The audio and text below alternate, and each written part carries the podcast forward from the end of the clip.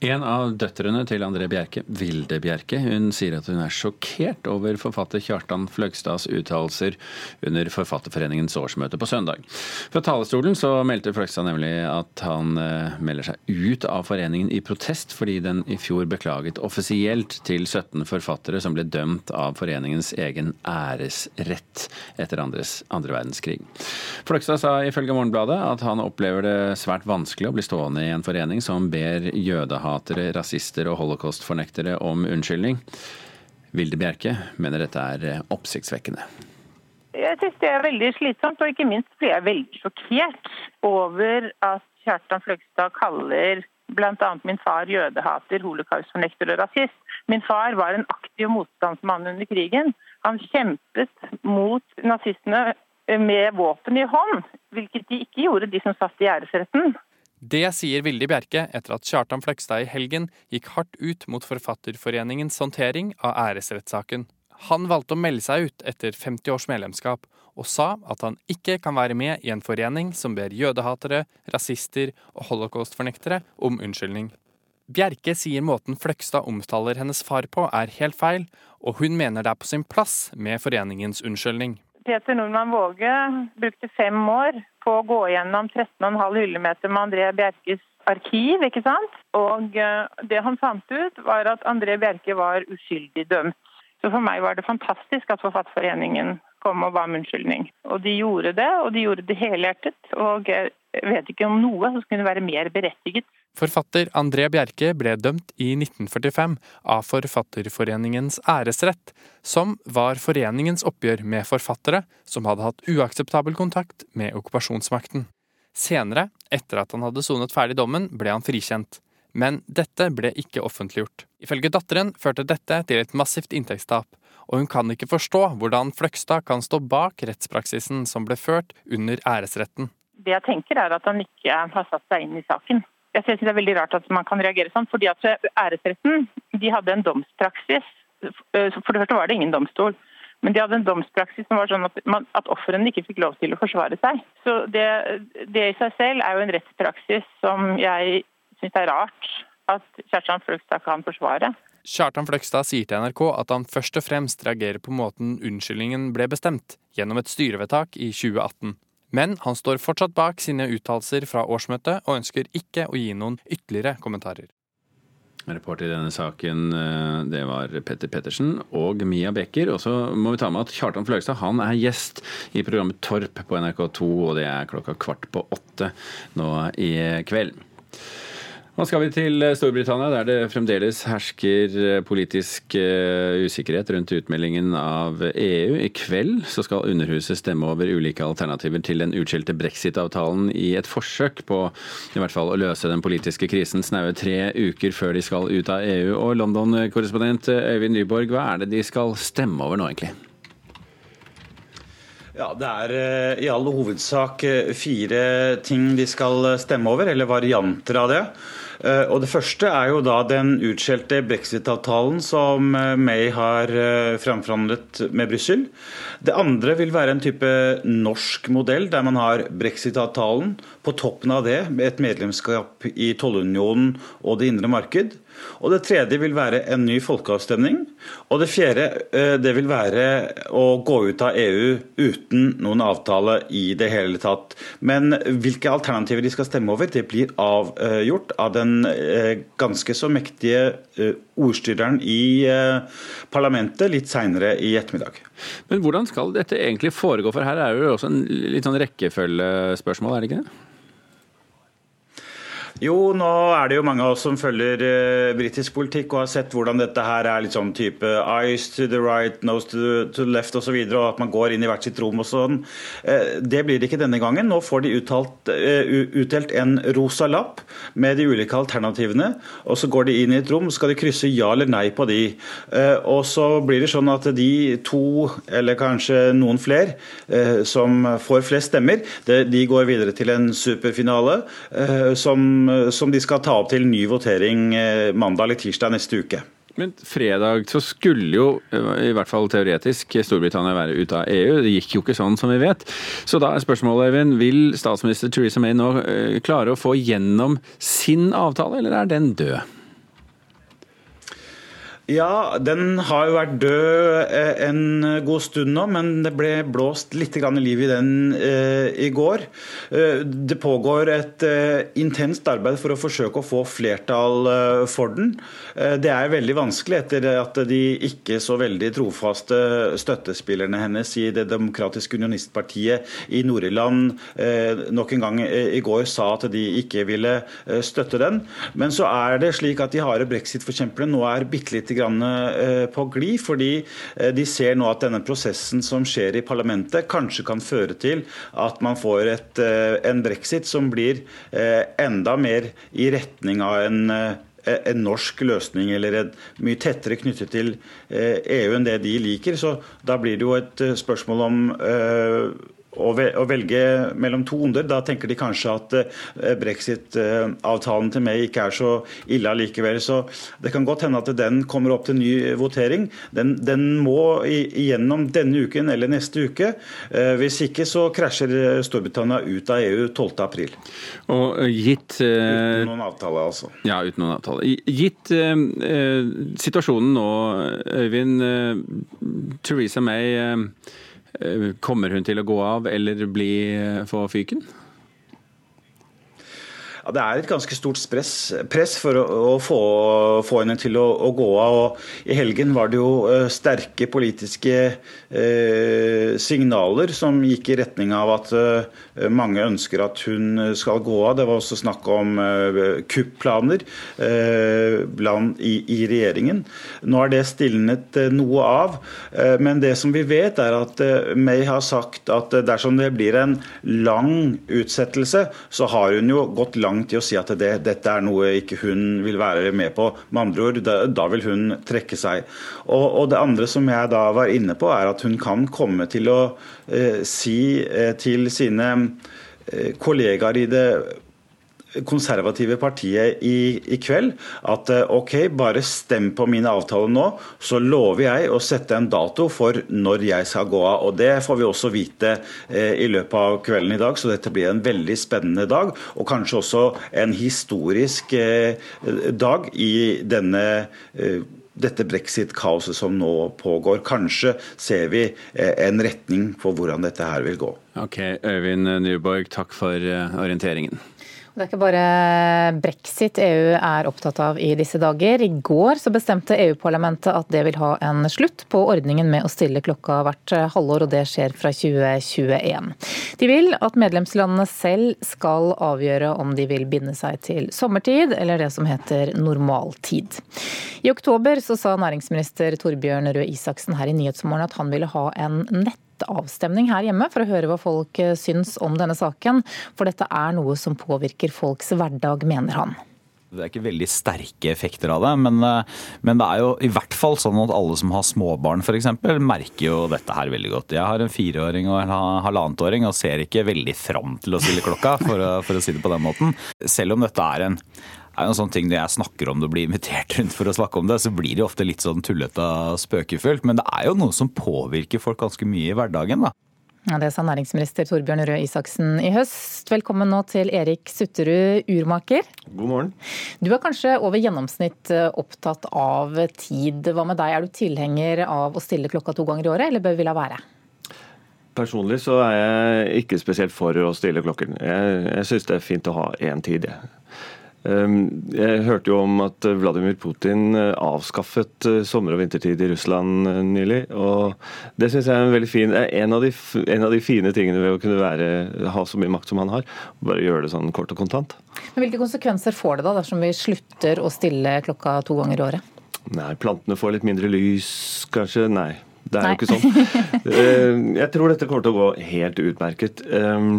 Egentlig så syns jeg det er en, en, en, litt rar konstruksjon, fordi arbeidsplasser, steder, folk eh, generelt kunne jo bestemme seg for å begynne en time tidligere på jobben hvis de ville. Mm. De fleste av oss eh, kjenner jo på det å ha dårlig tid, eller god tid eventuelt. Er vi for opptatt av tid? Ja, jeg syns i stor grad vi er det. det. Jeg er veldig glad i klokker, og jeg syns det er veldig fint å ha en klokke på armen og vite hvor mye klokka er. Men eh, jeg syns vi kan løsrive oss litt mer fra tiden som vi, som vi er veldig opptatt av. Um, mennesket er jo ikke skapt for å jobbe etter en klokke, sånne detaljer som vi er. Jeg har tenkt på nå i det siste så har jo vi har forandret måten vi måler tiden på. Tidligere var det solen som bestemte døgnets lengde. Nå har vi definert det ned til et cesiumatom istedenfor. Knytt... det må du forklare. Jo, rett og slett. Altså, måten tiden eh, er målt på, har vi Fram til bare et par år siden, mener jeg, så, så har vi målt den etter solen. Eh, og så har vi med, i årenes løp funnet andre metoder å måle tid på som er mer presise uh, enn solen. Og et cesiumatom er noe av det mest stabile, et av de mest stabile atomene som finnes. Og ut fra svingningene, vibrasjonene i atomet, så kan vi utlede en, en, tidsregning som er veldig veldig mye mer presis, som er helt uforanderlig i mange millioner år. Så de klokkene som er mest presise i dag, de, de har ingen avvik på, på, flere millioner år. Mm. Det er ikke så rart at vi er opptatt av tid, da. Eh, vi er jo avhengig av det i, i hverdagen.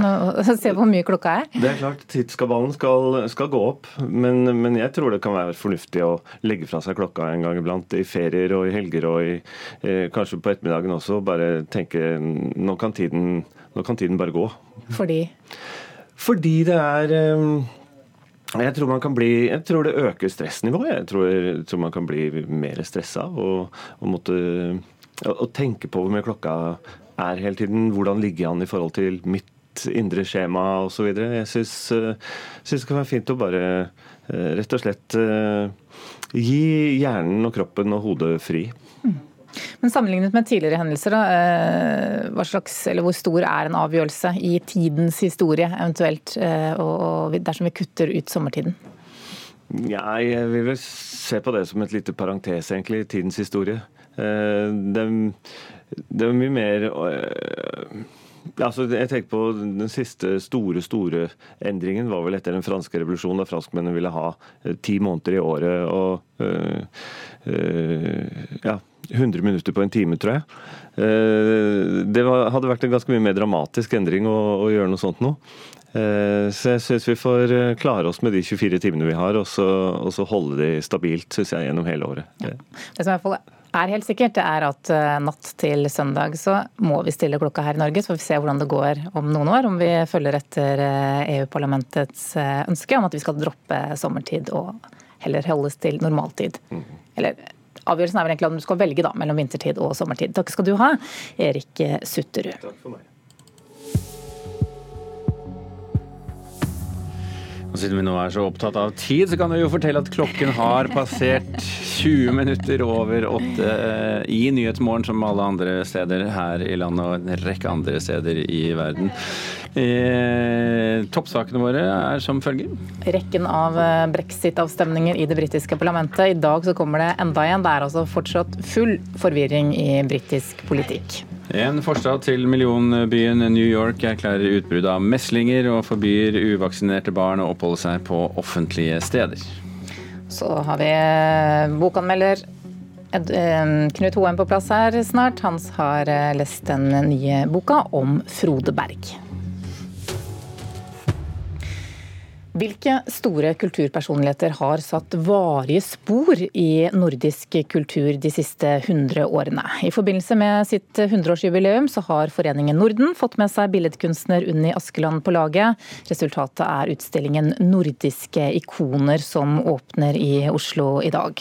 Kunstner Unni Askeland og generalsekretær Espen Stedje i Foreningen Norden, velkommen til Nyhetsmorgen begge to. God morgen.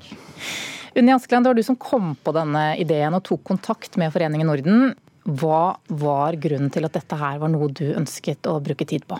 Det er fordi at veldig mange av disse personlighetene, eller disse ikonene da, som jeg nå har opphøyet til, som de da også vil jeg si har vært De fortjener å komme frem under en sånn markering som dette er. Mm.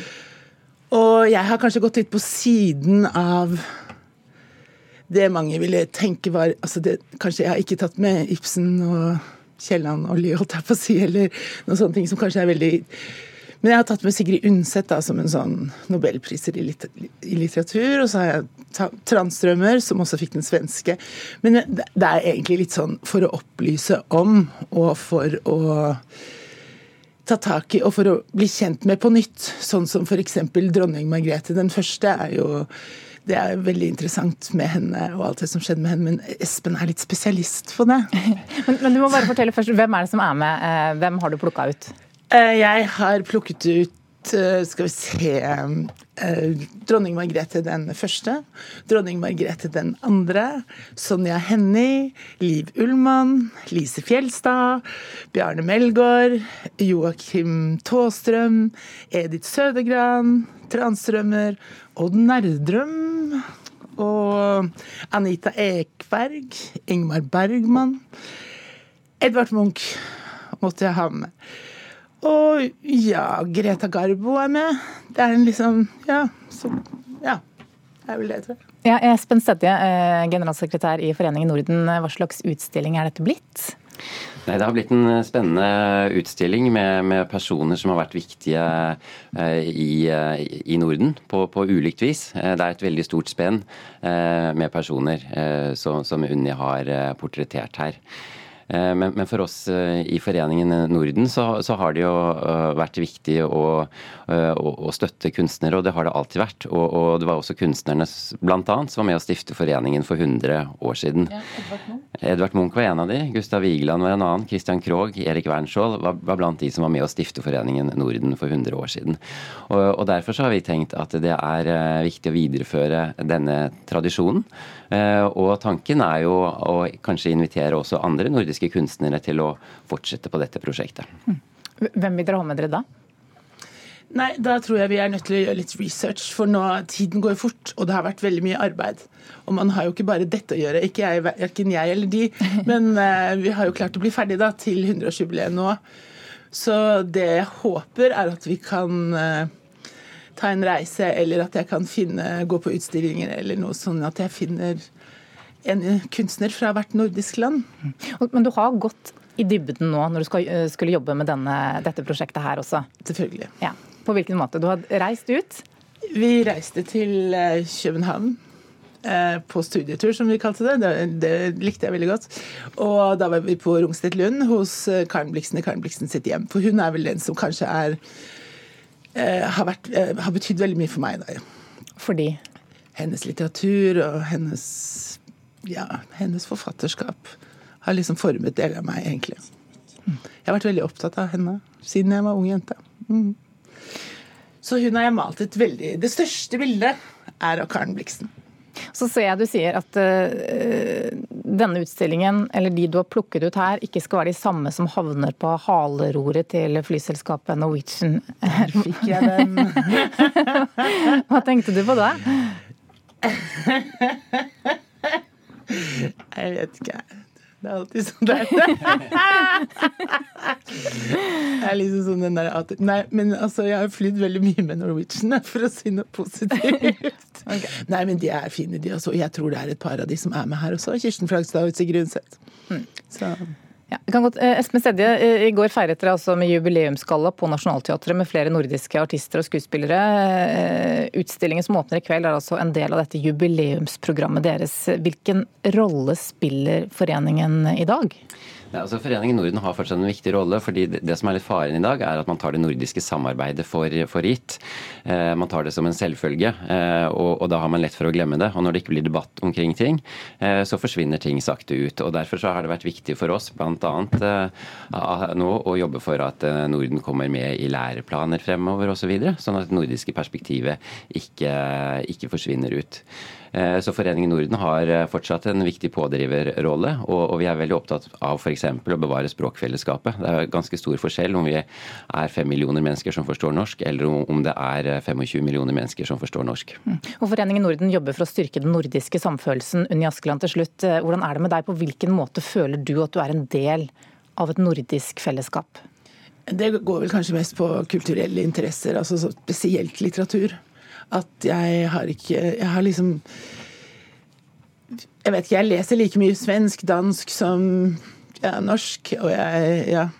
og det samme også med jeg, jeg følte det litt ekstra i går, kanskje, for det var veldig morsomt. fordi at der var jo artister fra alle de nordiske landene, og så var det veldig sånn ja, Vi hyllet det jo, og så Jeg er født den 7. juni 19 ikke 1905, den 7. juni. Og 1905 det var da unionsoppløsningen var. Så jeg har alltid tenkt når jeg var liten pike, så visste jeg jo alltid at de flagget for en oppløsning av en union. Men jeg har tenkt av og til, spesielt da når vi var på disse slottene og sånn i Danmark, Espen og jeg, så tenkte jeg alt dette sølvet fra Kongsberg har jo havnet her. Hele vår historie, alt sammen. På en måte så kommer vi Så er vi Vi er jo egentlig ett. Et, ja.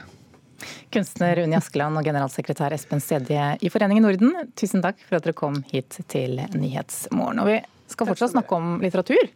Vi skal fortsatt snakke om litteratur eh, på litt annet vis. Eh, det er altså slik at Den 2. april så starter rettssaken mot den spiontiltalte tidligere grenseinspektøren Frode Berg i Moskva. Nå foreligger en bok av hans gode venninne, frilansjournalist Trine Hamran. Og da kan vi si god morgen til eh, til, eh, til, Knut Hoem, som har lest boka for oss. Eh, boka som heter 'Historien om eh, Frode Berg'. Fortell oss først, Knut. Hva kan Trine Hamran fortelle om hvorfor Berg nå sitter bak lås og slå, siktet for spionasje for den norske stat? Dette er jo en bok som er skrevet fra en eh, venninnes perspektiv. Eh, Frode Berg og Trine Hamran eh, ble kjent med hverandre da de jobbet sammen i, i Kirkenes. Og mot slutten av i de siste årene før Frode Berg ble arrestert i Moskva, så fortalte han til henne at Eh, han tok oppdrag for Etterretningstjenesten. At han egentlig ikke hadde lyst til dette, men så at han gjorde det allikevel. Og Det var da det kom det som Trine Hamran har sagt i intervjuet, at hun opplevde at Frode Berg følte seg presset til å ta disse oppdragene. Eh, så veldig mye mer om hvorfor Frode Berg eh, tok oppdrag for E-tjenesten, det vet vi ikke. Det er litt uklart for meg hvor mye Trine Hamran har fått høre, og, om hun forteller alt i denne boken. Ja. Men Kan vi ikke gå litt tilbake, og, og hva, hva, skriver hun om, om Frode Berg eh, og hans bakgrunn i, i disse grenseområdene? Han jobbet jo som, i 24 år som grenseinspektør eh, på grensen, eh, og, og, og, var jo til stede da Sovjetunionen eh, raste sammen og Russland ble til, og var til stede da man byttet ut flaggene der oppe. Så dette er jo en mann som hele tiden har gått opp denne grensen til Russland, som har hatt kontakt med de russiske kollegene, og som har eh, et stort nettverk på begge sider. Eh, og egentlig blir framstilt som med veldig mye sympati for for eh, eh, Russland. Og, og, Trine Hamran forteller sympatisk og personlig også om hennes egen historie i Kirkenes, og om den relasjonen de to hadde. Mm, så interessant nok isolert sett, men får vi vite noe nytt? Nei, det er vel svakheten ved boken at uh, det er jo ikke nytt i den forstand at, det, at uh, vi får vite så veldig mye mer om hvorfor han sitter bak lås og slå i Moskva. Uh, men de, de, aller fleste av oss vil jo oppleve det som veldig nytt bare å bli litt kjent med han. For hun, hun har jo helt rett i Trine Hamre at han, vi, vi, har sett en mann i bur på bildene nå i lengre tid, helt siden han ble arrestert i desember 2017. Men hvem i all verden er han? Og det svarer boken for så vidt ganske godt på. selv om selv om jeg opplever eh, at eh, eh, det gåtefulle med han, i den grad det er noe gåtefullt med, med, med, med, Frode Berg, det forstår jeg vel ikke helt hva, hva er for noe heller etter å ha lest eh, boken. ok, Så det er flere svar eh, vi venter på selv etter denne boken, men den nytter like fullt. Litteraturkritiker Knut Hoem, takk for at du var med og, og fortalte om boken.